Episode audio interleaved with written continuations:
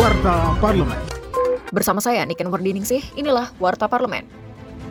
Pada rapat paripurna penutupan masa persidangan kedua tahun sidang 2023-2024 yang juga memasuki tahapan pelaksanaan pemilu 2024, Ketua DPR RI Puan Maharani mengajak seluruh masyarakat untuk mengedepankan asas pemilu luber jurdil serta melaksanakan pemilu dengan gembira dan cerdas. Puan berharap walaupun berada dalam tahun politik, anggota DPR RI dapat mengelola tugas dan fungsi konstitusional agar tetap berjalan dengan baik untuk mewujudkan amanat rakyat, mensejahterakan rakyat, dan menjaga kepentingan bangsa dan negara.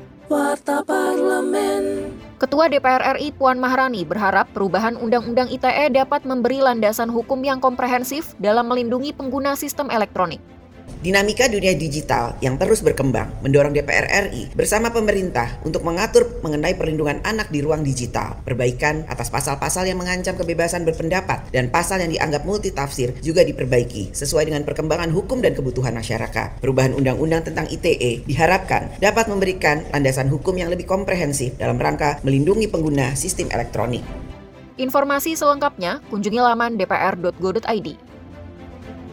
Anggota Komisi 9 DPR RI, Neti Prasetyani, menyebut penolakan masyarakat terhadap penyebaran jutaan telur nyamuk yang mengandung bakteri Wolbachia terjadi akibat pemerintah minim sosialisasi dan transparansi. Menurutnya, setiap upaya penanganan kasus DBD harus diawali dengan kajian dan sosialisasi dengan melibatkan para ahli. Ia meminta pemerintah menekan penyebaran kasus DBD melalui cara-cara yang ilmiah dan dipahami masyarakat agar tidak menimbulkan kekhawatiran televisi radio parlemen.